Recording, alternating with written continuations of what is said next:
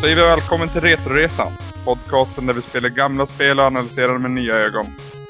Jag som pratar nu heter Anders Brunlöv och i andra änden hoppas jag att vi har min vapendragare Samson Wiklund. Jajamän, jag är här. Anders, är du en robot idag? Du låter väldigt stel. Är du Ja, jag, nervös? jag inleder alltid nervöst, men det brukar lätta efter fem minuter eller något. Ja, jag hoppas det. För sådär kan du inte hålla på. Eller är du, är du eh, influerad av spelen vi har spelat? Ja, lite grann faktiskt. Det kan ha med det att göra. Hur, hur mår du då Samson? Hur är det med träningsverket framförallt? Den har äntligen börjat lugna sig. Vi har inte kunnat gå i trappor på flera dagar alltså. Det lät jobbigt senast. Det var riktigt jobbigt kan jag säga. Det är ingenting jag gör om sådär närmsta tio åren tror jag. Nej, det är väl ingenting jag skulle vilja sätta mig in i själv heller kanske. Mhm. Innan vi går in på spelen i fråga så tycker jag att vi tar lite lyssnarbrev och där får du ta Samson. Jajamän. Inledningsvis så har kletet på Gameplayer-forumet skrivit som så. Tack för att ni tog er tid att spela igenom Djungelboken. Ett avsnitt där jag kunde känna igen mig i gameplayet samt få reda på vad som händer i slutet av spelet. Jaså du kletet, du kom aldrig fram till slutet? kom igen, så svårt är det inte. Envishet kommer man långt på. Precis. Eh, Kletet tycker också att det var kul att vi hade med mitt straff. Ja, tyckte jag. Eh, hoppas att vi kan få med något liknande i framtida avsnitt, säger han. Ja, jag undrar om det är sadismen som är det roliga med För jag vet inte, jag tänker inte göra något så här tränings-jackass. det blir lite väl, tror jag. Ja, vi får se vad vi kan koka ihop. Aloysius har också skrivit på Gameplayer. Jag blir lite, men bara lite småsugen på Jungle Book när jag hörde avsnittet. Det verkar ha en del kvaliteter, men även vara sådär gammeldags oförlåtande som jag blivit för gammal och slö i reflexerna för att stå ut med numera. Oftast i alla fall. Jo, det finns väl en viss sanning i det han säger här, eller vad säger du Anders? Jo, visst är det så. Uh, men uh, ja, jag, jag tycker att de ska ge en chans i alla fall. Jag hade mycket mer roligt med spelen än vad jag trodde att jag skulle ha. Jag var också inställd på att det skulle vara lite sämre. Eh, så li- just, jag tycker inte det var så där extremt oförlåtande som det har varit med, med tidigare spel. Nu tänker jag främst på Ghost and Goblins i och för sig. Men, men eh, det var inte så himla illa som jag trodde, utan det gick ganska så bra att slarva sig fram också, tyckte jag. Mm. Aloysius har också kommenterat angående vår eh, diskussion angående emulatorer sist. Mm. Eh, han undrar om save states verkligen är huvudinvändningen mot emulatorer. Ja, det är det väl inte. Det är väl, det är väl okej att använda om man, om man vill. Men alltså det, det, man spelar ju på ett annat sätt då, upplever jag det i alla fall. Och det är väl inte riktigt så vi vill spela. Nu tolkar det som att Aloysius pratar mer om att är det save states verkligen som är det största problemet med en emulator, eller är det någonting annat som, som är liksom en, en viktigare punkt? Och han har ju en poäng med att save states är ju en liten, liten detalj av emulatorspelande. Som, Mm. som man också kan få med till exempel en Game Genie Action Replay och liknande, som han också tar upp. Eh, Men det är, väl, det är väl det att i och med att det är emulerat på fel plattform så blir det inte riktigt helt rätt. Plus att det är ju en moralisk fråga också. Jag vill gärna ge betalt för de spel jag spelar. Eh, i, I och för sig så lånar jag ju ofta och du hyr ju en del också, vilket gör att det inte riktigt kommer fram några pengar till tillverkaren i slutändan. Men det känns ändå för mig mer riktigt att ha gjort det inom lagens gränser när jag ska spela spel. Men sen är det ju också en del av upplevelsen tycker jag. Nu har inte jag spelat någonting på NES. Utan när vi spelar Ghost and Goblins så körde jag det via VC eller ja, Virtual Console på Nintendo Wii. Men eh, det är en del av känslan där att Ja, jag tänker framförallt för nästa blåsa i kassetten och få det att fungera. Eh, och sen hålla i en riktig SNES-dosa när man spelar ett Super Nin- Nintendo-spel. Det är ju det, det är lite viktigt för mig ska jag erkänna. Sen är det också det att med en emulator så är du inte helt säker på att du alltid får originalupplevelsen. Nej. Eh, jag tänker till exempel på ett spel som heter Life Force. Eh, en, en indirekt uppföljare till Gradius som bland annat släpptes till Nintendo. Där finns det en hel del liksom slowdowns på grund av att det är för många sprites på skärmen. Mm. Och de här slowdownsen, de, de inträffar ju på exakt samma ställen varje gång du spelar spelet. För processorn klarar liksom inte det till en viss punkt. Det är ju såhär, du vet... Ja, det är ju en sån bullet hell shooter, så där är ju allting schemalagt. Det är ju ingenting som är annorlunda från genomspelning till genomspelning. Så att det är liksom en del av spelet att det saktar ner där. Och när jag spelar spelet på en PC, då saktar det ju inte ner där, för det behövs inte längre, för processorn klarar ju av det här utan problem. Mm. Så då är det ju inte riktigt samma spel jag spelar. Och det är väl för mig den största invändningen, att jag vill ju ha en, en upplevelse som är så nära originalet som möjligt. Mm, samma här. Vi går vidare. Kiruna Vinter frågar om vad introlåten är för någonting. Och nu har jag sagt det några gånger tidigare och det här är nog sista gången jag tänker säga det. Låten heter Hexadecimal Genome. Den är skriven av en New York-baserad DJ som heter Joshua Davis. Han kallar sig själv för Bitshifter. Och vi länkar hans hemsida från retoresan.se. Gå in där, hämta upp låten gratis. Han ger bort den som en MP3. Varsågod! Och det här, nu ställer vi inga fler frågor om vad det här är för låt, för nu har jag inte svarat för sista gången. Ja, väldigt bra låt. Ja.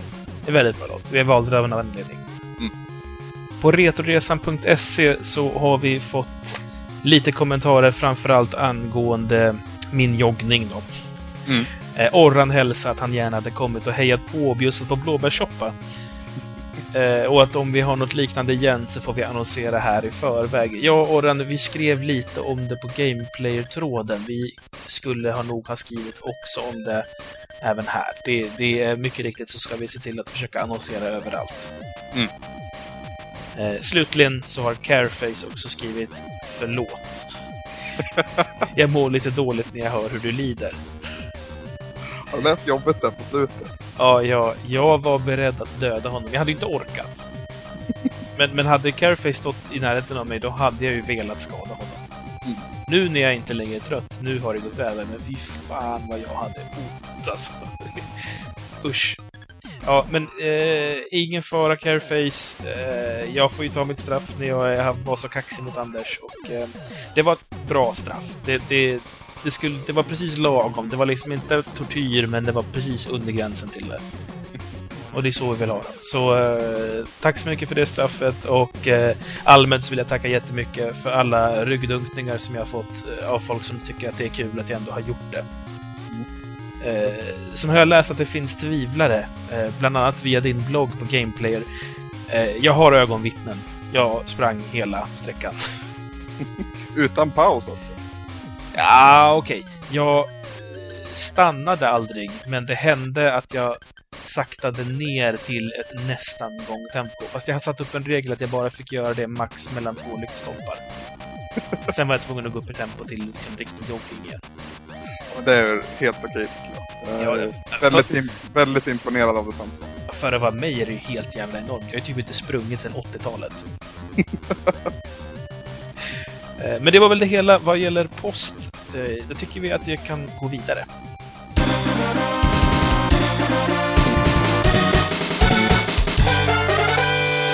Och då går vi alltså in på Mega Man X till Super Nintendo. Eh, ett spel som släpptes 1994 om jag inte har helt fel.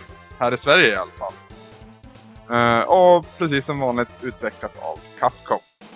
Jag vet inte hur du kände Samson, men så fort den här Capcom-trudelutten spelades upp så vart jag alldeles glad inombords. Den är ju så bekant och så vacker på något vis. Ja, man, man vet att man har undantag för Ghost and Goblin så har man viss typ av kvalitet framför sig. Oh, ja. För mig är den väldigt knuten till när jag... Eh, när Super Nintendo var nytt och häftigt och Street Fighter 2 släpptes. Mm. Då eh, ville jag jätte, jätte, jätte, jätte, jättegärna ha det spelet, men jag hade inga pengar och jag, jag fick aldrig tv-spel i mina föräldrar, utan jag köpte dem alltid. Mm. Så jag var tvungen att spara, och medan jag sparade så brukade jag hänga på stan inne på Stor och Liten, där de hade en sån demokiosk med Street Fighter. Så den här Capcom-loggan för mig, det är kopplat till att jag står alldeles svettig och varm med en massa okända ungar och spöar dem i Street Fighter. Men nu kanske vi ska prata om Mega Man. Ja, exakt. Vad kan man säga om handlingen i Mega Man X då? Det är ju lite nytt jämfört med den tidigare serien på, på NES. Uh, utspelas väl ungefär 100 år efter den förra serien och Dr. Light har gått ur tiden. Innan han dog så skapade han dock en robot som var mer avancerad än original Mega Man som heter Mega Man X helt enkelt. Och den roboten ska väl ha samma intelligenskvot tror jag det var som, som en, en vanlig människa. Och kunna lära sig nya saker och så vidare. Den stor, stora grejen med dem det var ju att han hade en egen vilja. Ja, exakt. Eh, där, där Mega Man eh, faktiskt bara lyder order. så, så har, ka- har X möjligheten att fatta beslut och kan ju alltså då utvecklas ond. Mm. Det som Dr. Light gör istället då, det är att han då skapar en typ av tidskapsel som han låser in X i. Vi, vi kallar Mega Man X för X kort och gott, för det är så himla långt att säga alltihopa. Mm. Eh, tanken var att X skulle sitta i den här kapseln i 30 år och i, i den så ska han då konstant bli undersökt för att se just eh, om man kan försäkra sig om att han kommer bli god. För man vill ju inte ha en sån här intelligent och stark robot på fel sida om, om moralen, så att säga. Nu gick ju tyvärr Dr. Light och coola det här, så eh, programmet hann inte riktigt köra färdigt. Istället så hittades den här kapseln av en helt annan doktor som kallade sig själv för Dr. Kane, eller Kain. Han tog ju då ut X ur den här kapseln och baserat på X så skapade han då flera robotar som då kallas för Reploids, i Europa i alla fall. Mm. Reploids då eh, fungerar ju som andra robotar som, som liknar Megaman. De har också intelligens och de har styrka och de har möjligheten att välja mellan godhet och ondska. Eh, de har i princip, de bygger sin egen moral. Dock så visar det sig att det finns då olika sorters virus som kan ta över de här eh, reploiderna. Eh, de kan då bli så kallade Mavericks, det vill säga då robotar med en ond moral. Men robotar som inte finns till med de här huvudreglerna för robotar vad gäller hur man ska vara schysst mot människor och liknande. Mm. Då införskaffas då något som kallas för Maverick Hunters, som är alltså ett gäng med goda robotar. Eh, ledda då av en eh, särdeles god robot som heter Sigma. Eh, slåss de mot såna här Mavericks och försöker då ta bort dem, för de är ju ändå ett hot mot mänskligheten. Ett virus dock eh, slår ner i Sigma, ledaren för The Mavericks, och han blir en Maverick. Och det här är ju en väldigt intelligent och väldigt kraftfull robot, så han blir ju förstås ledare över The Mavericks. Och nu vänder sig hela mänskligheten mot X och förklarar att du är vårt sista hopp. Och där drar spelet igång. igen. Och i inledningssekvensen så får man väl eh, möta Sigma. Eller ja, vad man nu ska kalla den här Rob. Vad kallas den här Rob? Du menar den, eh, den med det som ser ut lite som en... eh, Den som ser ut som Boba Fett? Ja, Fast- exakt. Det är Vile. Why? Fan Anders, du har ju inte läst på om handlingen. Det är ju världens jävla såpa det här och du har inte... Ja, jag vet. Men det så rörde mig inte ryggen. Jag tyckte bara det var awesome att spela. Okej. Ja, Jag, jag har djupdykt lite mer i det. Just för att det är, Jag älskar Dr. Wily, Dr. Light och Meg- original Mega Man väldigt, väldigt mycket. Mm. Och allting som händer i, den, i X-serien har sina spår i original Mega Man. Det är, det är rätt coolt faktiskt. En sak som till exempel är intressant är ju att Zero, som är byggd av Wily, är bärare av det virus som gjorde Sigma till ond. Mm. Jag hade ingen aning om. Mm, det är mycket här, vet du. Jag märker det. Men vi ska inte fördjupa oss mer än så i storyn, utan vi går direkt in på gameplay, tycker jag. Mm. Gameplay och eh, det känns ju som Mega Man på en gång. Upplever jag. Det, det kan, ja, du springer och skjuter med din Megabuster. Det är nu den här uppladdningsbara som dök upp i Mega Man 4 om jag inte minns helt fel. Eh, han kan dock inte slida som eh, sin eh, före detta Mega Man, men han kan istället boosta sig själv. Det är en förmåga han får lite längre in i spelet. Dessutom kan han ju hoppa på väggar numera. Som kommer väldigt mycket till användning måste jag säga. Det är ju en räddare i nöden på många ställen. Där man är van vid att ett fall innebär instant death, så är det ganska skönt att veta att man kan rädda sig själv här. Mm. Vi kanske ska börja med att förklara att det är en introbana man spelar innan man kommer in i själva spelets huvudmeny. Ja, exakt. Man sätter på Vile i en strid man inte kan vinna. Därefter kommer Zero in och Zero tar hand om Vile tillfälligt. Och sen så... Blåser ko- armen av honom till och med. Ja, och så kommer man överens då med Zero om att nu ger vi oss efter The Mavericks. Eh, vi syns snart, jag ska bara gå och hitta Sigmas eh, gömställe. Mm. Och där ges du ut för att leta efter. Och så tar man eh, varje Maverick en efter en. Vad kan man säga om Mavericks då? De, är, de har djur.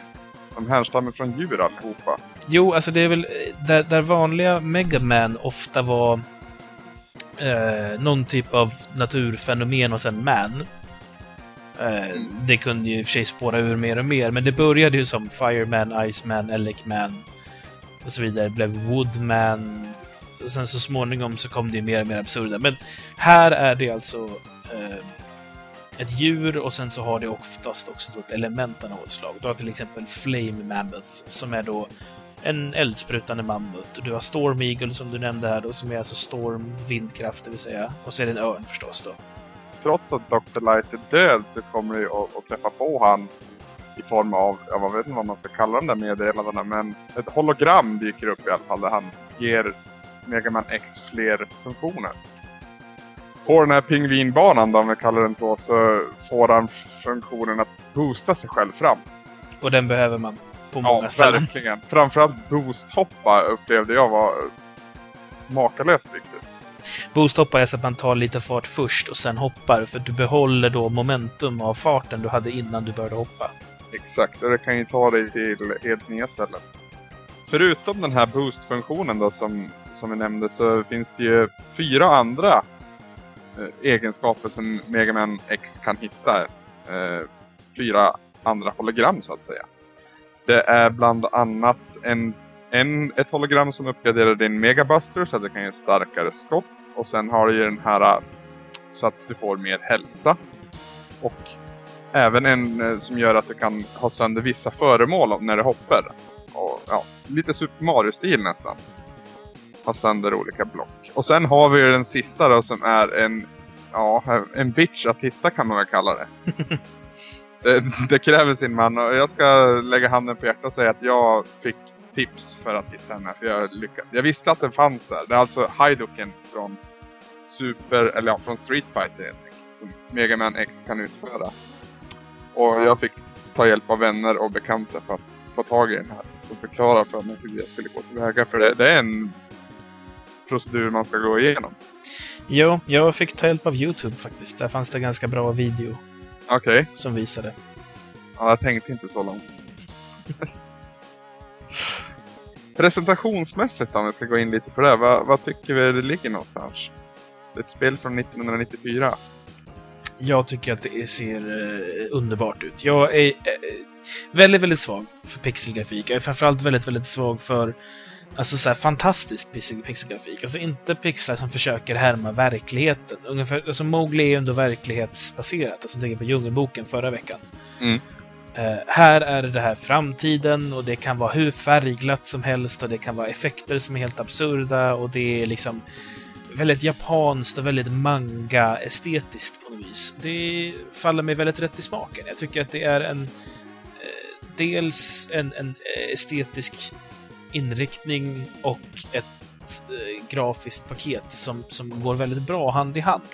Mm, detaljrikedomen tänker jag på hur, ja, hur Megaman är uppbyggd och alla, alla karaktärer i övrigt är uppbyggd. Det ser extremt bra ut. Sen är ju Megaman-serien känd för musiken eh, framförallt. Och jag tycker inte att den sviker här, dock tycker jag att den dimper ett par gånger. Framförallt mot slutet måste jag säga. Vad säger du Samson, lever det upp till eh, gamla NES Beatpoppen? Jag tycker inte det alltså. Jag, jag, det är ju samma grej i princip. Det är ju samma sorts musik. Men den är inte riktigt lika bra. Alltså, dels så tror jag att jag har retro-hörlurar på mig, så att säga, när, jag, när jag spelar de gamla spelet. Men eh, det, det känns inte som att det är lika mycket energi eh, i musiken. Den får inte igång mig. Jag går inte att nynna på den mellan spelsessionerna som jag gör med annan Mega musik jag, jag gör ju det från vissa låtar, men långt ifrån lika många som i vanliga fall om man kan säga så. Jag tycker att de andra spelarna håller en högre genomsnittlig kvalitet medan det finns kanske fyra fem stycken sammanlagt i det här spelet som, som håller den kvaliteten högt.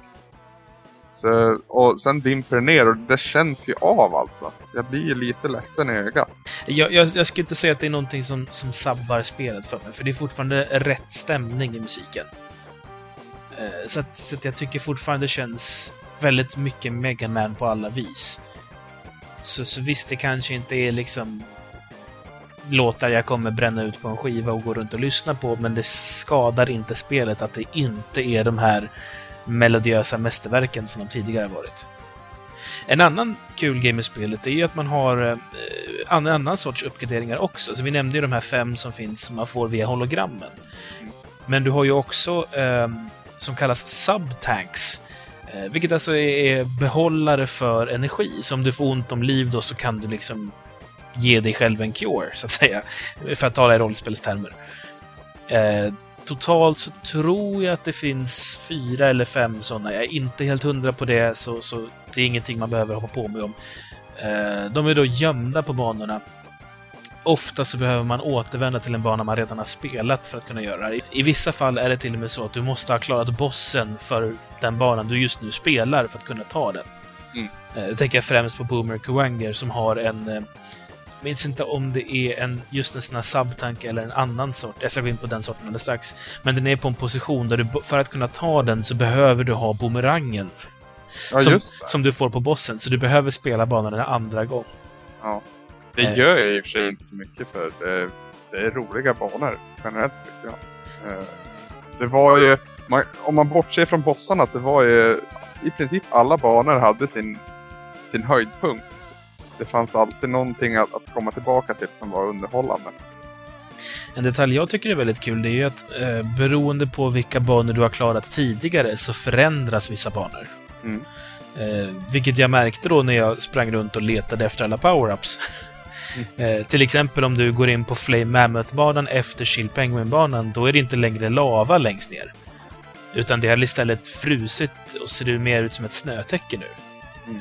Eh, och du kan då gå på det utan att bli skadad och genom det här då så kan du ta då en Eh, Ja, just det. Nämnde jag nämna Heart Tank, heter den andra sortens eh, power-up. Som alltså ger dig en längre livsmätare, eh, helt enkelt. Mm. Så att du kan ha mer energi i taget.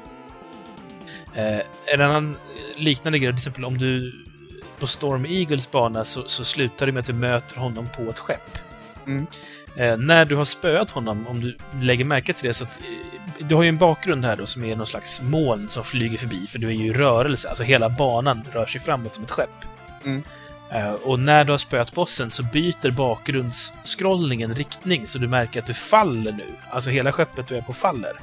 Spelar du direkt efter det Spark Mandrills bana, då i början av banan då så är det alltså ruiner av det här fallna skeppet som du mötte Storm Eagle på, kvar på banan. Mm. Eh, och de har då till exempel också då sabbat strömförsörjningen till banan. Det är mycket såna eleffekter, du vet, med så elektrifierade golv och väggar och sånt. Mm. Eh, allt det slipper du, för du har liksom haft sönder elgeneratorn genom att du sänkte ner eh, Storm Eagles skepp. Det var ingenting jag noterade faktiskt. Det är jäkligt coolt. Ja, det är mycket, mycket skönt. Det är samma sak också med eh, minibossen på just Spark Manager-banan. Den här eh, blåa bubblan, du vet. Mm. Den tappar sin förmåga att kasta den här irriterande elattacken den gör. Jaha. Ja, det, det öppnas mina ögon ytterligare. Jo, det finns massor med sådana saker. Du kan också, när vi inne på just det här, eh, bossar som, som förändras, så om du använder till exempel bumerangen på mammuten, då kapar du av honom snabeln. Ja, den noterar jag. Det tycker jag är jättesött. Samma sak med... Finns väl på Armad, Armadillo också. Om man använder el på han så tappar han väl sitt skal va? Precis. Och om du använder bumerangen på Octopus så tappar han sina armar så att han inte, kan inte längre kan skapa de här virvlarna. Så det, det finns massor med sådana här roliga små grejer. Så ju, jag har ju spelat det här spelet massor med gånger nu för att försöka hitta allt jag kan hitta. Och det, det finns ju massa kvar misstänker jag. Ja. Eh, Men jag tyckte att det var riktigt, riktigt kul med de här små, små egentligen meningslösa men ändå roliga små presenterna till, till oss nördspelare som spelar som jag Ja, det- spelar. Det är mycket nördservice alltså. Mycket, och jag älskar det. Jag tycker det var helt underbart. Ja, och det är en eloge till det. Sen när man har klarat de här äh, Mavericks i fråga, då får man ju, ja, likt tidigare serier så fick man ju gå in på Dr. Wileys banor. Den här gången är det ju Sigmas banor. Uh, och där tycker jag att spelet går ner sig lite. Jag vet inte vad det är riktigt, men jag har inte roligt på någon av banorna egentligen. Du får ju, ja det är rätt korta banor, rätt uh, mycket fiender på varje bana. Och sen får du möta diverse olika subbossar och dessutom bossar redan tidigare då. Alltså jag tycker att det går, det går egentligen inte ner i kvalitet i bandesign. Det som däremot händer är att Capcom skruvar till max vad gäller antalet fiender. Mm. Så att de försöker liksom höja svårighetsgraden mot slutet av spelet. Men inte genom att göra det knepigare att ta sig fram, utan genom att helt enkelt ösa på med saker som irriterar dig. Mm. Det, jag minns det första, det första jag skrivit här, vi har en rubrik som heter Första Sigma-banan och direkt under har jag skrivit Helvete, plattformshopp från Satan. eh, för det, Ja, men alltså, det precis Undrar om det inte finns ett bra trick där. Du använder något typ av vapen som du... Jo, jag upptäckte ju det. Rolling Shield använder du. Exakt. Eh, så, så, så slipper du det här helt och hållet då. Men det är ändå så att Ja, alltså, det, antagligen så är det väl så att Capcom har tänkt att så här, här ska du lära dig att utnyttja de förmågor du faktiskt har förskaffat dig. Mm. Så vi skapar en, en, ett läge som är så här fitt svårt. Såvida du inte kommer på att just det, jag kan använda punkt, punkt, punkt här. Mm. Just för att träna upp oss spelare i, i hur vi ska hantera situationer. Problemet med det här är att när jag spelar Megaman-spel, framförallt när jag spelar de första varvet, då försöker jag ta mig fram med bara Megabuster. Ja, jag också. Eh, mest för att det är bekvämt, men också för att den i regel är ganska smidig och effektiv redan som den är.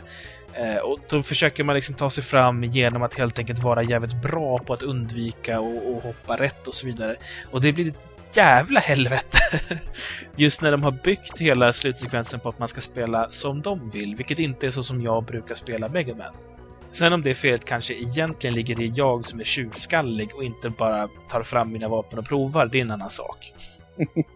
Ja, men det är framförallt på det här partiet så, så är det ju så att så fort du upptäcker att du kan använda den här rolling shield så blir det ju pissenkelt egentligen.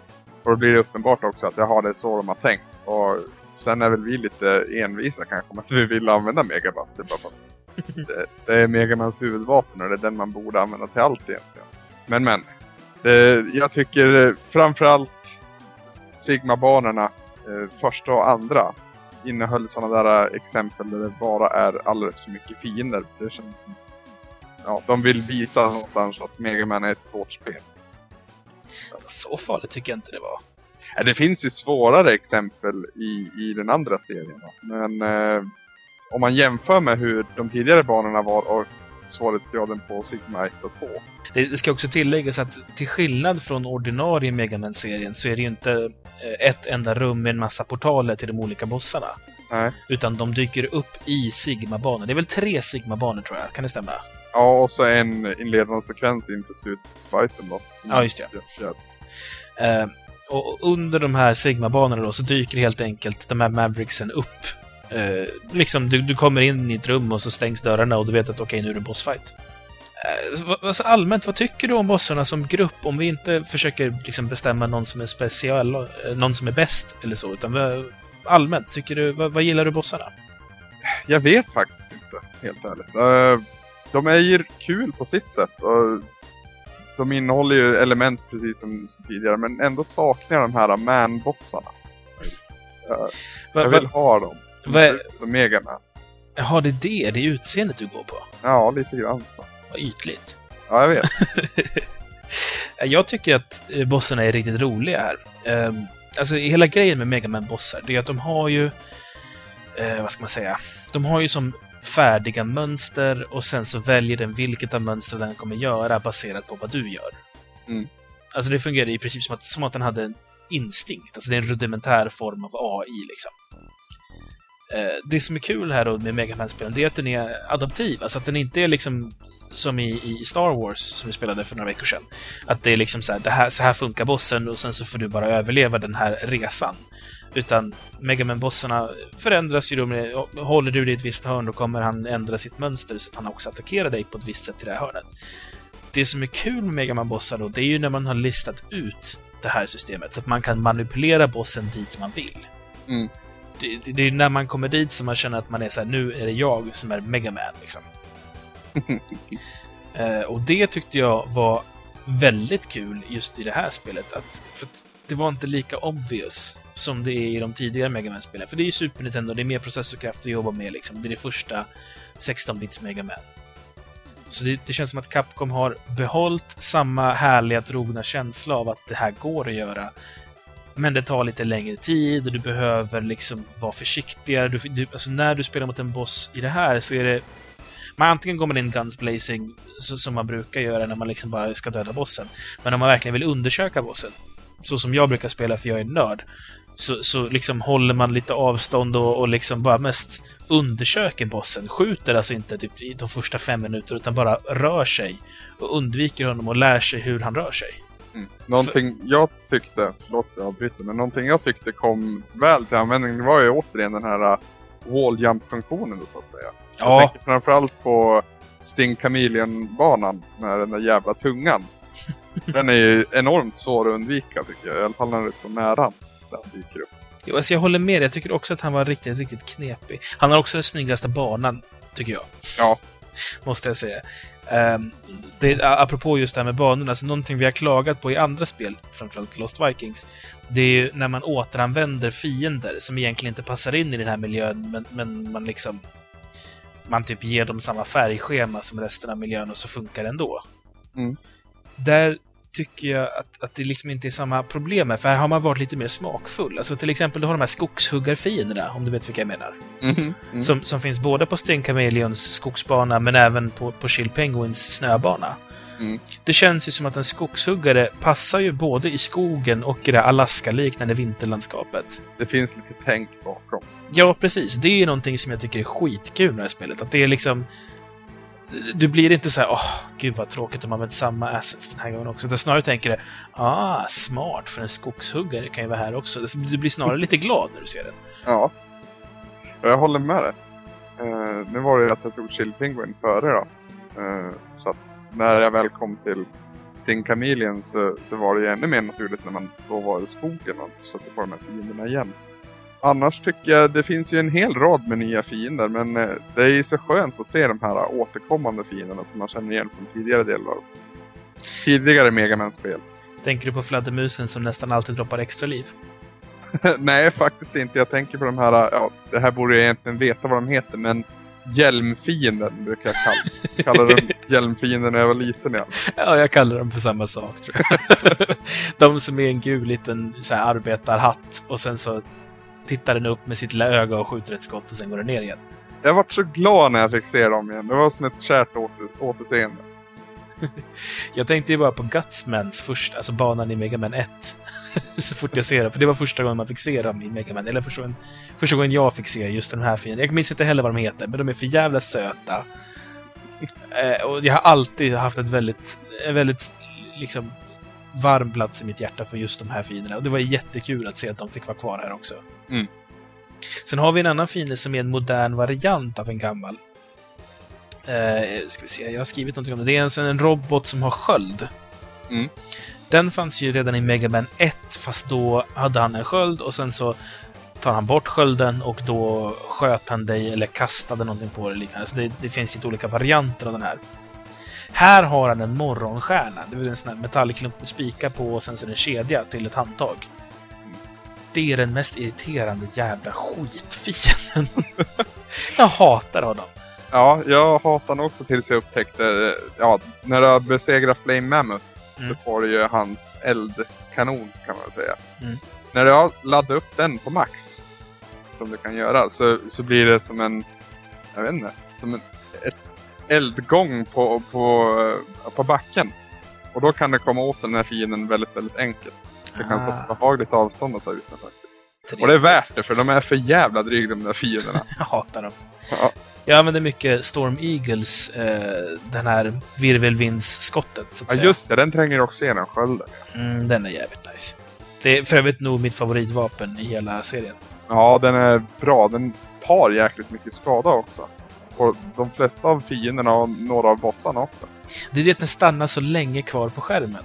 Mm. Så placerar du den rätt, då kan du ju döda någonting med bara ett enda skott av den här. Mm.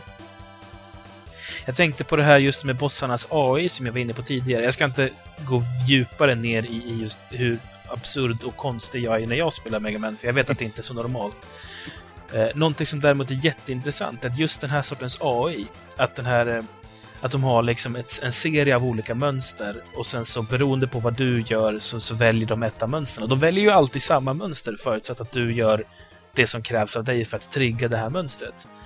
Det är precis samma sätt som reptilers hjärnor fungerar faktiskt. Nu kommer en längre utläggning känns det som. Ah, det behöver nog inte bli så lång. Jag ska försöka hålla det kort. Men, men alltså reptilhjärnor funkar eh, mer eller mindre helt utan eh, resonemangsförmåga, utan de har instinkter. Och eh, triggar du dem på rätt sätt så kan du alltid veta hur en krokodil ska bete dig. För, bete sig. Eh, för är du tillräckligt påläst om hur deras instinkter fungerar och vad som triggar dem, så kan inte en krokodil gå ut ur sitt mönster. Så Steve Irving, eh, den här galna, idag tyvärr döda eh, australiensaren, han var alltid som tryggast när han var bland, var bland krokodiler. För han vet ju precis hur de funkar. Mm. Och vad som för oss såg liksom livsfarligt ut var ju för honom som att gå på stan. Alltså, det var liksom det ingenting. Det var en cakewalk. nu är ju han tyvärr död. Han dog inte av en reptil, ska jag tillägga. så det är inga hål i min teori här än så länge.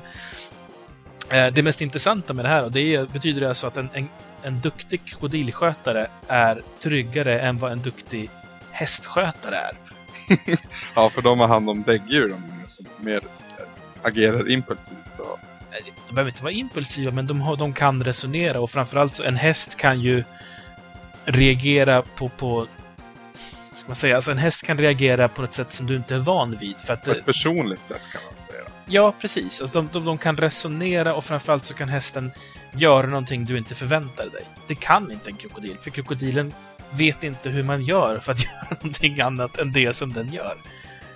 Alright, så genom att spela Mega Man X då så blir vi bättre kroko- krokodilskötare.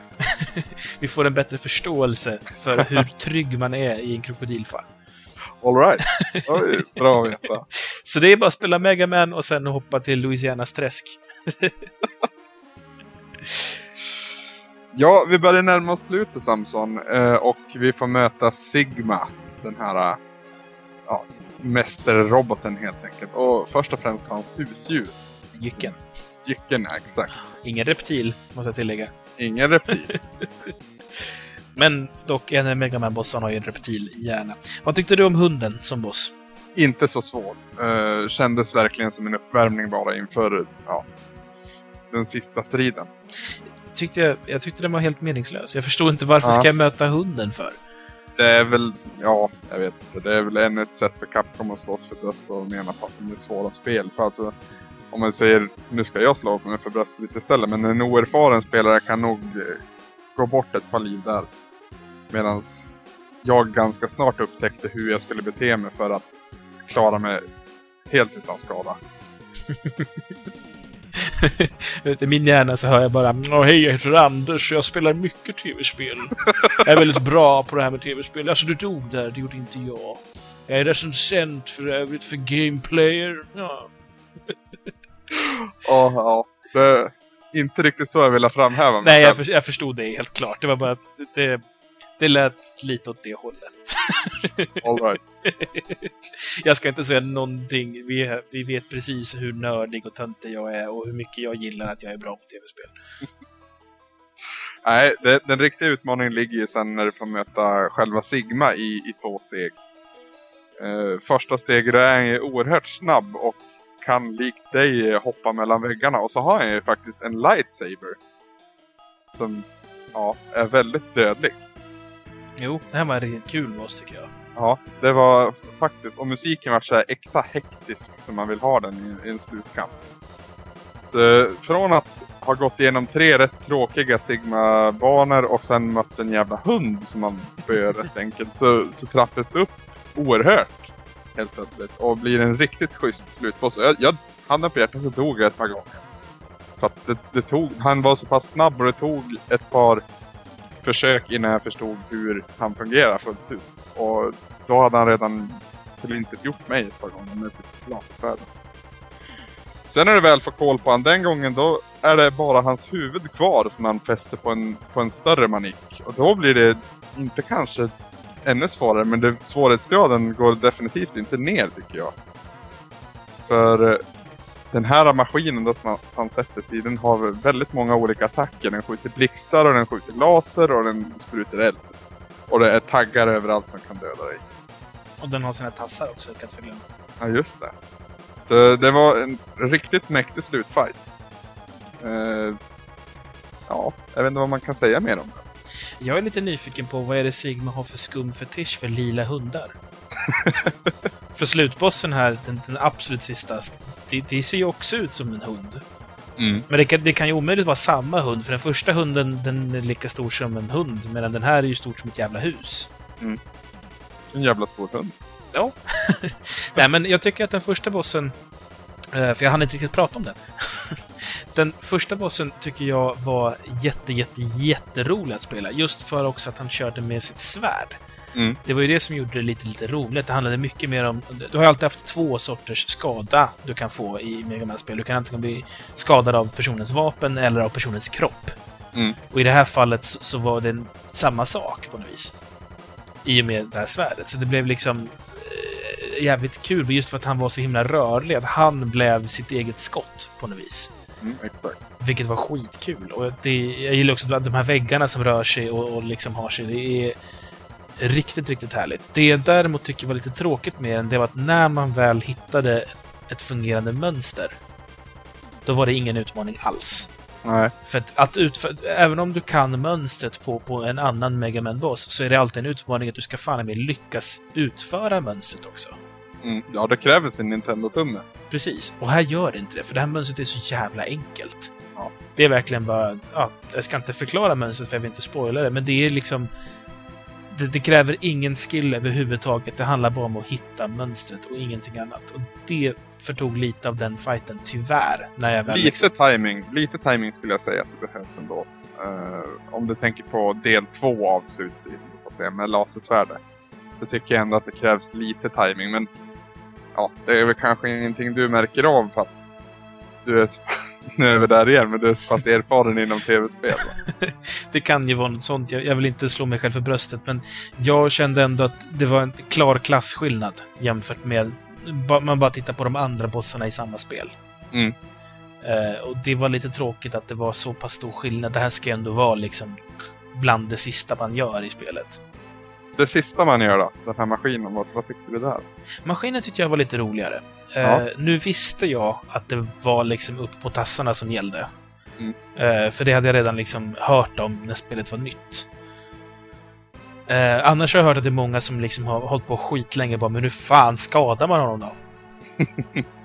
För- Ja, det, det, jag hade inte hört någonting innan, men jag fattar ju rätt fort ändå. För det är ju trots allt huvudet som svävar iväg och fäster sig på den här maskinen och huvudet är längst upp. Och då ser jag rätt snart att jag kan inte hoppa på väggarna för där är det taggar. Och då är det en tass jag behöver stå på för att komma åt det här huvudet. Och sen var det bara att pröva olika vapen, kolla vad som gav skada.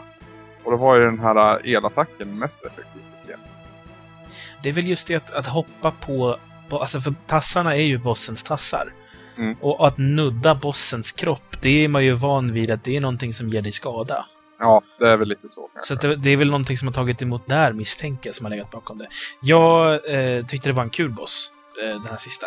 Det är nog en av de bästa i, i spelet. Inte den bästa, det tror jag är kameleonten, jag är inte helt säker. Eh, men, men det var en rolig boss just för att den var lite annorlunda jämfört med hur Ma- Mega Man-bossar har fungerat hittills. Mm. Eh, den enda sån här riktigt stora bossen jag har sett förut i Mega Man-spel, det är väl den här eh, Demon, du vet den här enögda som delar upp sig själv i små bitar. Åh! Han som är drygast i världen i, i Mega Man 1. Han är ju inte det egentligen, det är bara Nej, en... man, kan ju, man kan ju hacka han rätt, Nej, men även utan hack. Han är jätteenkel. Det det är en enda sak som är svår. Sätter man den, då tar man den lätt. Jag ska lära dig när jag kommer hälsa på i Bollnäs. Ja, för i Mega Man 3 är ju betydligt enklare när man kan slida också. Ja, men som sagt, det är en grej du behöver kunna. Kan du den, då är han skitenkel. Ta det sen. Hur det jag menar i alla fall, att det här var en, en, en annorlunda boss, för att det är inte en liten figur som hoppar runt, utan här är ett rum du slåss mot mer. Mm. Och jag tycker att det var kul med den variationen. Jag tycker det är spännande att Capcom säger att här i sista skedet av spelet, nu bryter vi mot vad vi alltid har kört och sen så gör vi en rumsboss istället för att göra en gubbboss som vi har gjort i 111 spel tidigare i Mega Man-spel. Eh, sen just att den kompletterar föregående fight så pass bra också, för det, det ändrar ju strategi helt. Mm. Eh, det gör ju också att slutsumman blir någonting väldigt roligt och väldigt positivt. Ja, alltså jag tror inte, hade det bara varit den ena eller den andra så hade jag inte tyckt det var lika kul. I och med Nej, att det är båda så, så kompletteras de väldigt väl. Precis. Och sen är det ju faktiskt slut. Ja, är det pizzadags? Det är pizzadags. Jag säger att det är en, en riktigt klassisk, underbar pizza. Det är en perfekt kebabpizza. Mm. Men de glömde såsen. Ja, jag, har, jag har ju lite annat nu när du säger det. Jag, jag tänker ju snarare att det är en eh, azteca. Mhm. Alltså det är en, det är en pizza är en italiensk rätt och det är allting är frid och fröjd. Men sen har de blandat in mexikansk mat i alltihop. Och även om slutresultatet blir väldigt bra, tycker jag. Så, så det, det känns inte riktigt som en italiensk maträtt, förstår du vad jag menar? Ja, jag är med dig helt klart. Mm. Jag är lite inne på samma spår, fast jag, jag väljer dessutom att plocka bort en viktig ingrediens. eh, jag, jag tycker ju att det, det är en god pizza. På, inga, på alla sätt och vis. Det är också den här mixen av att det är den italienska pizzan och sen har vi kebab då. Mm. Eh, så, som är liksom mer Mellanöstern. Sen så tycker jag att det är, det är något litet extra som saknas. Och jag tycker också att en kebabpizza, det är ju en ganska lyxig sorts pizza. För det är något speciellt med en, en pizza som inte bara är en pizza, utan det är en annan snabbmat också. Mm. Eh, så och där är det ju liksom... Det jag jämför med här och det är att det är ju Mega Man, fast det är Mega Man med 16-bits grafik och, och med, med liksom massa nya effekter att leka med. Och det är det som gör att det inte bara är Mega Man utan det är någonting mer ovanpå Mega Man. Men det, det är något sista där som inte riktigt har hängt med hela vägen. De, de glömde vitlökssåsen. Att, Ja men lite som du säger också att, att de har lagt till massa nya effekter och så syftar vi på ja, köttfärs och kebab då i fråga. Men sen kanske det inte passar in 100% om man ska se det direkt på ett Mega Man-spel. Men det är ju fortfarande gott, alltså det funkar ju fortfarande.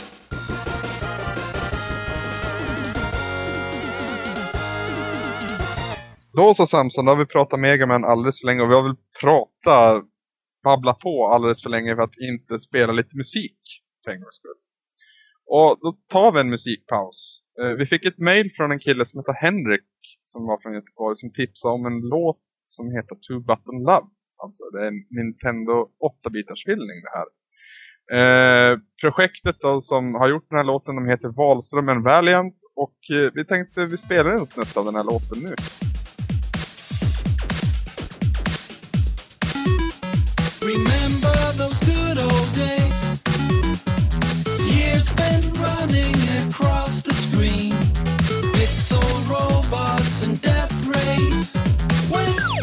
Sound of a laser beam? Simple things that met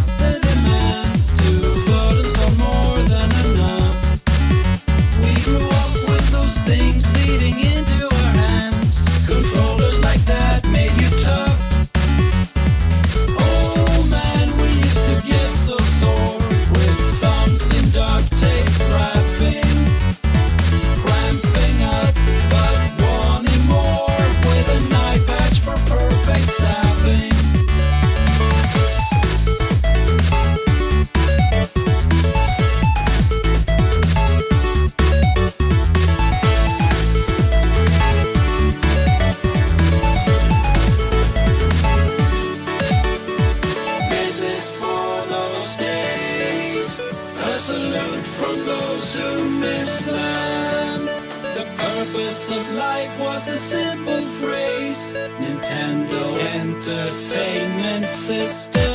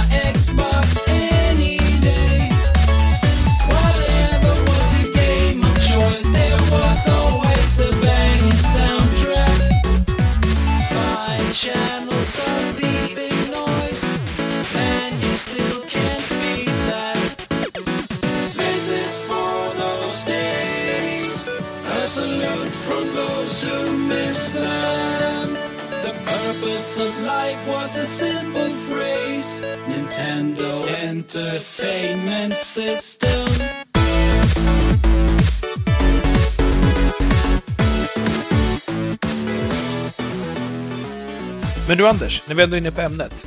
Eh, jag måste tipsa om en låt som heter Follow Me av Patapoo eh, featuring Adam Tensta. Hiphop är kanske inte riktigt min melodi, men videon till den här är klockren. Det är kärlekshyllning till gamla hederliga tv-spel och vi, vi länkar förstås från, från vår hemsida. Gå in och titta på den här videon. Ni kan stänga av ljudet om hiphop inte är grej. Om ni gillar det så är det säkert en asbra. Skitsamma. Titta på videon och försök identifiera alla tv-spel de refererar till, för det är en riktigt härlig historiekurs i tv-spel. Ja, jag håller med. Jag, jag vet vilken video du pratar om. Och både Tenstas video, eller ja, Patapura och, och Tensta. Och även den här andra vi pratar om. Det, man, man blir alldeles varm i kroppen. Och,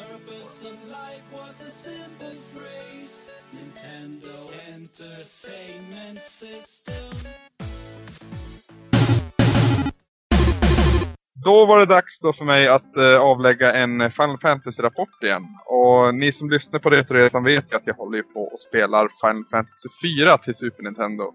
Uh, och eftersom ni inte fick någon rapport i sena, eller tidigare avsnittet av Retroresan så har vi lagt manken till att spela en bra bit in nu. Uh, när jag senast pratade så hade jag kommit till staden Kaipo och precis skyddat eh, Rydia mot en general från mitt gamla kungadöme Baron. Och där fortsatte jag spela då. Och efter jag hade skyddat den här lilla flickan så ansluter hon sig till mitt party. Eller min grupp kan man väl säga, det heter party i spel. Eh, när jag vandrar omkring i den här lilla staden Kaipo sen så upptäcker jag också att där finns min Rosa, eller Rosa, eller vad man ska säga. Jag vet inte riktigt hur man uttalar det namnet. Jag har alltid kallat henne för Rosa. Ja, det, känns bäst. Ja, rosa, det låter fint. Det är alltså eh, Cecils eh, stora kärlek, kan man säga. Hon har i alla fall blivit sjuk. Hon, hon har blivit skadad av något och för att kunna bota henne så behöver du... Ja, vad är det man behöver egentligen? Det är någon typ av del av ett monster som heter Antlion, eller Antlion kanske det uttalas. Eh, Så jag beger mig iväg mot den där grottan där den där uh, monstret ska finnas. Och på vägen dit så träffar jag en gammal magiker som heter Tella. Och inte helt oväntat så ansluter han sig också till min grupp. Och ganska snart därefter så stöter jag på min andra boss. En typ av bläckfisk. Kommer du ihåg någonting av det här Samson? Det är fortfarande väldigt mycket i inledningen.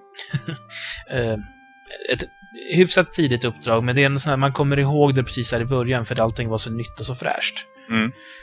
Eh, lite senare så är det mycket grumligare, men det jag minns är att jag gillade miljön i det här området. Mm, grottmiljön tänker du på? Ja, precis. Jo, det är väldigt, vad ska man säga, väldigt sunkiga grottor. Kan man säga sunkiga? men fuktiga och, och eh, läskiga grottor. Ja, de känns... Eh, jag vet inte. Stundtals tycker jag det känns som att det är kallt där inne. Stundtals känns det som att det är jättevarmt. Det, det, är- det är någonting väldigt mystiskt med färgpaletten man använder och, och sådär. Men det är... Jag gillar verkligen de miljöerna, just att de är lite obehagliga men ändå väldigt vackra på något vis i sin, i, i sin mystiska... sådär. Jag, jag, jag är väldigt ambivalent kring det och det är väldigt sällan jag har så mycket känslor bara för en miljö. Mm ja, ja. Hur som helst, den här bossen i fråga, den här bläckfisken som man stöter på. Det var inga större problem och det har ju, det grundar ju sig i att jag i, i princip hittills har jag hela tiden virrat omkring och inte riktigt vetat vart jag ska någonstans. så jag stöter ju på de här random encounters hela tiden och Det är, så, det är så precis så du ska göra. Fortsätt bara. jag, jag, jag får fortsätta. Men i alla fall, efter den här bossen då så kommer jag till staden, ja hur uttalar man det då? Damsian? Det hörs. Jag törs inte ge mig på uttalen. vi, vi säger igen så länge. Eh, och precis när jag kommer dit så ser jag Red Wings komma. Min gamla attackstyrka som Cecil var kommandör för. Och de bombarderar den här staden. Och strax därefter så rusar jag in och stöter på en flicka som heter Anna. Det visar sig då att Anna är alltså den här gamla trollkarlens dotter. Och eh, den här dottern är även en eh, pojkvän som heter Prins Edward. Alltså, han är alltså prinsen av Dancian. Eh, kort därefter så dör Anna och Tella går i vansinnestakt och ska kräva sin hämnd på, ja, vad heter den här äh, bad guyen? Och det har ju, det har ju visat sig att det är Golbleeze som är ny kommandör för Red Wings och spelets stora skurk. Ja, han ska i alla fall kräva sin hämnd mot honom. Eh, efter lite övertalning så ansluter sig då den här prins Edward till min grupp istället. Och ja, eh, vad ska man säga om han? Han är en charmör kan man säga. Han sjunger mot sina publiker och kan charma dem och paralysera dem. Eh, väldigt mesig karaktär till en början men han börjar växa på mig allt eftersom. Eh, vad kan man säga mer? Ja, efter det då så ska jag äntligen till den här Antions grotta, det här monstret i fråga. Och för att ta sig dit så behöver jag då ett luftskepp som jag får tag i i den här staden Dansia. När jag väl kommer dit så är det en, det en väldigt fiendefylld grotta där med mycket nya fiender som jag har lite problem med. Men det går ju bra och de fienderna jag har mest problem med det är de här som bara kan dödas av magi. Eh, Cecil då, min huvudkaraktär, han, han är ju bara bra på strid än så länge. Jag vet inte om det kommer ändras längre in i spelet. Men... Och när han attackerar då tar det max en poäng. Kan man säga. Eller ja, en poäng i skada. Medans magi verkar vara väldigt sårbar. Jag kommer inte ihåg exakt vad de här fienderna heter men det ser ut som stora lerklumpar. Det finns olika färger på dem. Jag kommer då hur som helst till den här grottan allt eftersom och stöter på en hel del nya fiender som sagt. Eh, när jag väl kommer i, i kontakt med Antlion så menar prins Edward på att det är en fredlig varelse men det visar sig inte det helt oväntat att det är han inte. Så här ställs jag mot min tredje boss.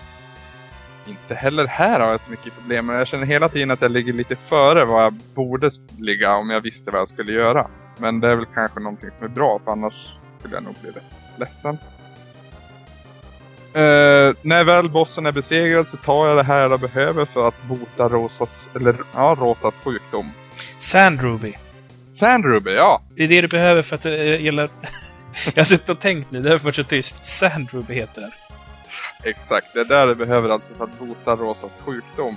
Så så fort du får tag i den här så återvänder du ju via det här luftskeppet till Kaipo och ger Rosa den här. Eh, och in, ja, precis som väntat så kvicknar hon till. Eh, och hon ansluter sig också till ditt gäng. Eh, hon, Rosa sitter ju på lite kunskaper, vet ungefär vad Goldbliss har för planer. Han är alltså ute efter olika kristaller som är spridda över världen och den sista staden som har en kristall kvar är staden Fabul som har luftkristallen. Så in, ja, man räknar ut att det är den staden som kommer att attackeras härnäst och vi med Rosa ansluten skyndar oss snabbt dit. Och för att ta oss dit så ska man resa genom bergen och ganska snart uppe i bergen så stöter jag på karatemästaren Yang som ja, han imponerar stort med sina karatekunskaper kan jag säga. man ansluter sig och hjälper han att döda ett eldmonster som jag faktiskt hade jäkliga problem med. Det här eldmonstret exploderar och tar en hel del skada på mina, mina gubbar. Och tjejer. kan man väl säga. Eh, men jag lyckas få koll på honom i alla fall. Och ja, Young ansluter sig till gruppen. Och då, det visar sig då att nu har jag fem i min grupp och det är väl det mesta som någonsin har kunnat haft i ett Final Fantasy-spel. Jag, jag tror att det har varit fyra som max tidigare. Ja, precis. Efter det här då så skyndar vi oss vidare till staden Favul där, eh, ja, där Young är hemmahörande. Och vi springer in och varnar kungen att eh, Red Wings är på väg och de kommer bombardera. Och i precis samma sekund så kommer larmet om att ja, en attack är på gång. Och några av min grupp ställer sig upp för att skydda mot de här attackerna. Det här kan man också kalla någon typ av boss. Och ju längre eh, striden eh, sker, eller håller på, desto längre inne i slottet kommer den. Och till slut så är vi inne i kristallrummet där den här kristallen förvaras. Då. Och där ställs jag mig mot min gamla vän Kane som försvann efter, efter att jag hade hjälpt den här, vad heter hon? Rydia. Iridia, precis. Är länge sedan. Ja. Eh, där ställs jag i alla fall mot min gamla kompanjon som försvann där efter jag hade räddat Rydia från, från den här brinnande byn. Eh, han är i alla fall under Goldbees kontroll nu och är fientligt inställd mot Cecil. Och i en kamp mot han så förlorar jag och det är nog tänkt att jag ska förlora. Det känns som det i alla fall. För storyn fortskrider efter det och Kane och Goldbliss kommer iväg med kristallen och eh, jag möter mitt riktigt första nederlag. I samma stund som Goldbliss tar den här kristallen så passar han också på att kidnappa Rosa. Igen. Eller ja, igen. men hon försvinner än en gång från gruppen. Och det är lite synd för jag tyckte hon var en, en bra, ett bra komplement till min eh, rätt så ja, effektiva grupp kan man säga.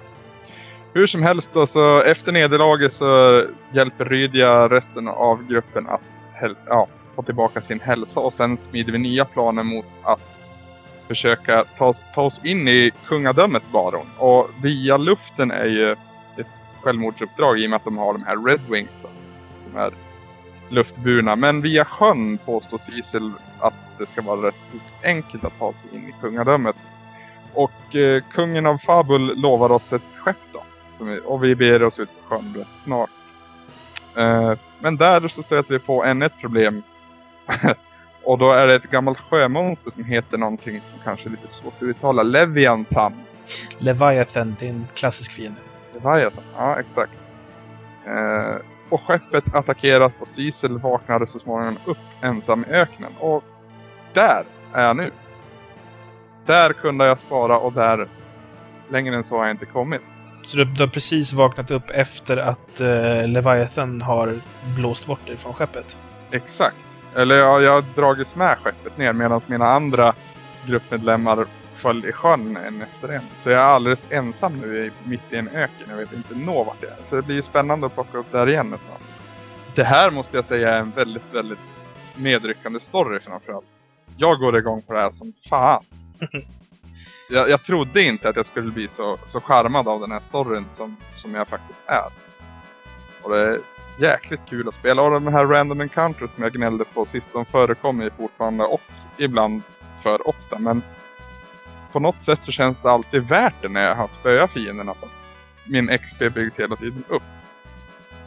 Något som är lite störande då istället är att jag köper ju lite utrustning och, och liknande varje gång jag får tillfälle och equippar det så att säga på mina partymedlemmar. Men som ni hör så har ju partymedlemmar kommit och gått lite som de vill. Till stor del. Och det känns ju lite jobbigt när man har köpt en dyr sak till någon och i nästa stund så är han borta från gruppen. Så det är nog... Ja, jag vet inte om det är roligare att spela när man spelar en gång. Men man kan nog spela det på ett mer effektivt sätt. När du väl, väl vet vad som kommer hända. Uh, du som har spelat Samson. Uh, kan du uppskatta ungefär hur långt jag kommer om vi tar det i procentandel? Oj. Uh, ja. Mm, ska jag säga? Alltså du har väl... kan det vara? En femtedel kan du ha gjort ungefär? Mm, 20 procent ungefär. Ja, det, det, ja, det är ren höftning alltså. Det, Ja. ja, men där någonstans. Det är faktiskt lite så det känns också för att Ja, jag vet inte men någonstans har jag fått för mig hur den här storyn kommer att utvecklas och Ja, det är jäkligt kul i alla fall måste jag säga. Det, jag trodde inte att jag skulle ha så roligt med, med det här spelet som jag faktiskt har. Jag hoppas att den här storyn fortsätter. För det som är fascinerande är att den inte bara kretsar kring Sisu. Som är huvudpersonen och den mörka riddaren som man kontrollerar. Utan den kretsar ju också kring alla andra karaktärer. Och alla andra har ett, ett djup av sin egen berättelse som vävs in. Bland annat prins Edward, efter vi har räddat Rosa där, eller botat henne, så går han ut och, och spelar på sin harpa för sig själv. Och därför han träffar sin bortgångna före detta flickvän Anna, som talar till honom. Och det, det känns extremt genomarbetat och, och ja, jag är väldigt imponerad än så länge. Jag tycker det här är eh, givande eh, ord att höra, så att säga, från dig. För att vi som sitter och lyssnar på dig när du pratar om Final Fantasy, för jag är ju en av dem. Mm. Eh, jag gillar ju Final Fantasy-spel. Jag gillar överlag rollspel. Så jag sitter ju och håller tummarna för att det liksom ska bli någonting som du fastnar för. Mm. Och jag tycker det är kul att höra att när du pratar om vad det är du uppskattar med just det här spelet, till exempel det, här med stories, eh, att det, att det liksom inte bara är någon rak, enkel rädde eh, hjälte räddar prinsessa eller liknande, utan det finns liksom varje karaktär har ett djup. Varje karaktär har sin ambition, sin anledning att göra det de gör. Och, och det finns liksom så mycket, det är en värld som, som rör sig framåt hela tiden. Mm. Mer än att det är ett, ett gäng människor som rör sig framåt. Och det här är någonting som kännetecknar eh, just Final Fantasy-serien framförallt. Ja, Så- det... Fortsätter det så här så är det definitivt någonting jag ska lägga mer tid i. I både kommande delar av serien och andra spel.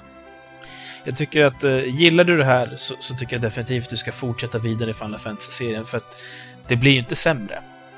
Ja, det låter ju lovande Samson. Eh, jag börjar ju faktiskt förstå. Jag, som jag sagt tidigare så har jag ju jag har ett par kompisar som är väldigt insnöade på den här typen av spel och de har ju tjatat på mig att jag ska spela framförallt Final Fantasy och nu börjar jag förstå vad deras ja, vad deras snack går ut på så att säga, vad de var så lyriska. Det är det som är problemet med de här spelen. Det går liksom inte att förklara vad det är som gör det bra. Det går inte att visa bilder på vad det är som gör det bra. Det går liksom inte att locka in någon med traditionell media, utan det enda sättet att få någon att fatta varför de här spelen är bra, det är att sätta dem framför TVn och säga här, spela. Mm. Mm. Ja, jag är helt trollbunden faktiskt. Så än en gång, så fort vi slutar spela för idag, eller spela in för idag, så fortsätter jag med Final Fantasy.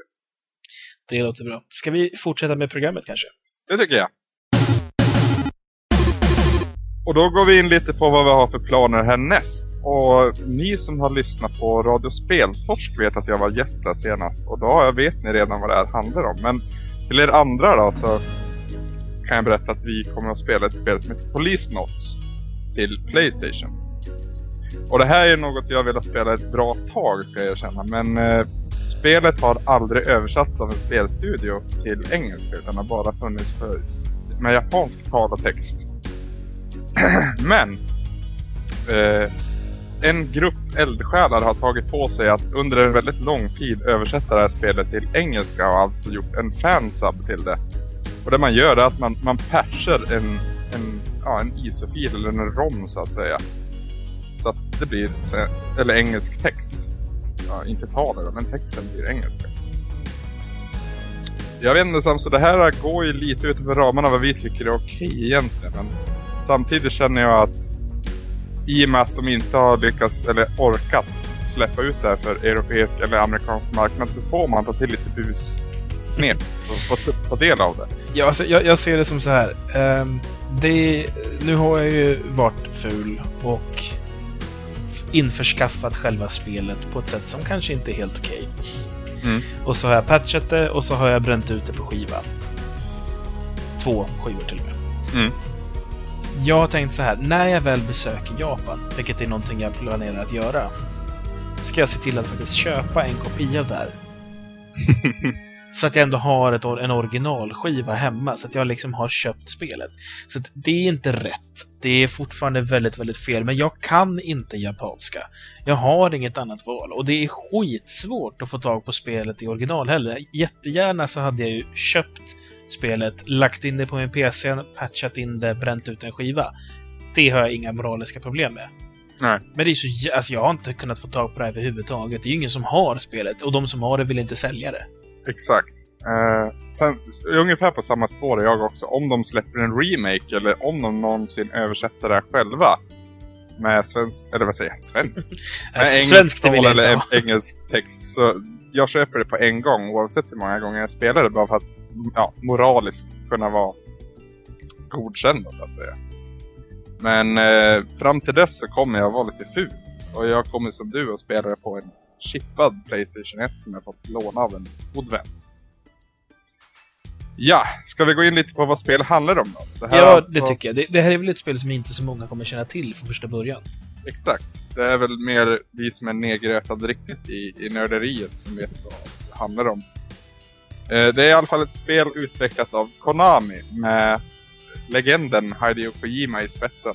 Eh, ni som läste Retroresan när det fanns i bloggform vet att jag skrev om ett spel som heter Snatcher till eh, Sega CD. Och det här anses väl vara en spirituell uppföljare på det. Eh, spelet kom som sagt endast ut i Japan och det var 1996. Det har släppts till andra format än Playstation också men eh, ja, vi fokuserar oss på, på, på Playstation. Handlingen kretsar kring eh, en kille som heter Jonathan Ingram. Och han är en polisastronaut. Därav namnet Polisnots. Eh, och efter en olycka på en rymdstation så blir han omkringvandrande i rymden i, jag tror det är 25 år va? Han blir väl alltså, han är väl i en sån här eh, podd Han- som håller honom ung. Exakt, han är nedsövt i någon, någon typ av koma eller något liknande. Jag har inte riktigt grepp av vad, vad som hände, men han har varit borta från, från omvärlden. Jag tror det är 25 år. Det kan vara, jag också. Han är en sån där cryostasis chamber som de har i till exempel Alien-filmerna eller i eh, Fade to Black. Exakt. Eh, ja, jag vet inte om man ska gå in mer på storyn. Han jobbar numera som privatdetektiv och förhandlare i gisslansituationer va? I någon typ av futuristisk version av Los Angeles. New LA tror jag det kallas. Uh, det ska bli jävligt spännande att se vad det blir av det. Jag har varit jätteimponerad av Snatcher och de som har prövat det här säger att det är minst lika bra. Så, ja. Alltså jag är väldigt taggad. Det ska bli otroligt kul att spela det här. Eh, det grämer mig lite över just tillskaffningssättet. Men det, det får jag helt enkelt försöka glömma och bara njuta av spelet. Jag gillar Kojima väldigt mycket. Eh, Mm. Har inte spelat så jättemycket Snatcher, men det lilla jag spelat gillar jag. Och jag gillar det här, alltså, non-action spel-gameplayet. Ja, man kan väl säga det. Det är ju typ av peka-klicka-spel. Eh, medan Snatcher var ett kommandospel mer så är det här att du, du styr en muspekare och integrerar med objekt och personer i en omgivning på det här sättet. Och det är väldigt få, om ens några, jag vet inte riktigt hur det är i, i det här spelet. I Snatcher är det en handfull tillfällen där det verkligen blir actionmoment av det hela. Eh, men jag uppskattar ju en välskriven story och en... Ja, Hideo Kojima har ju visat sig vara väldigt duktig på, det, på just det. Så jag ser väldigt, väldigt fram, mycket fram emot det här. Jag får också någon så här väldigt mycket noir-vibbar över det hela. Alltså just det här deckar-story och lite så mycket cigarettrök och jazzmusik. Det är, det är mycket den känslan jag får och det, det ser jag fram emot att få se mer av. Mm. Eh, har du någon typ av uppskattning över hur lång tid det här kan tänkas ta? För det är ändå ett spel som går ett rätt långt tempo. Det finns mycket att suga in liksom.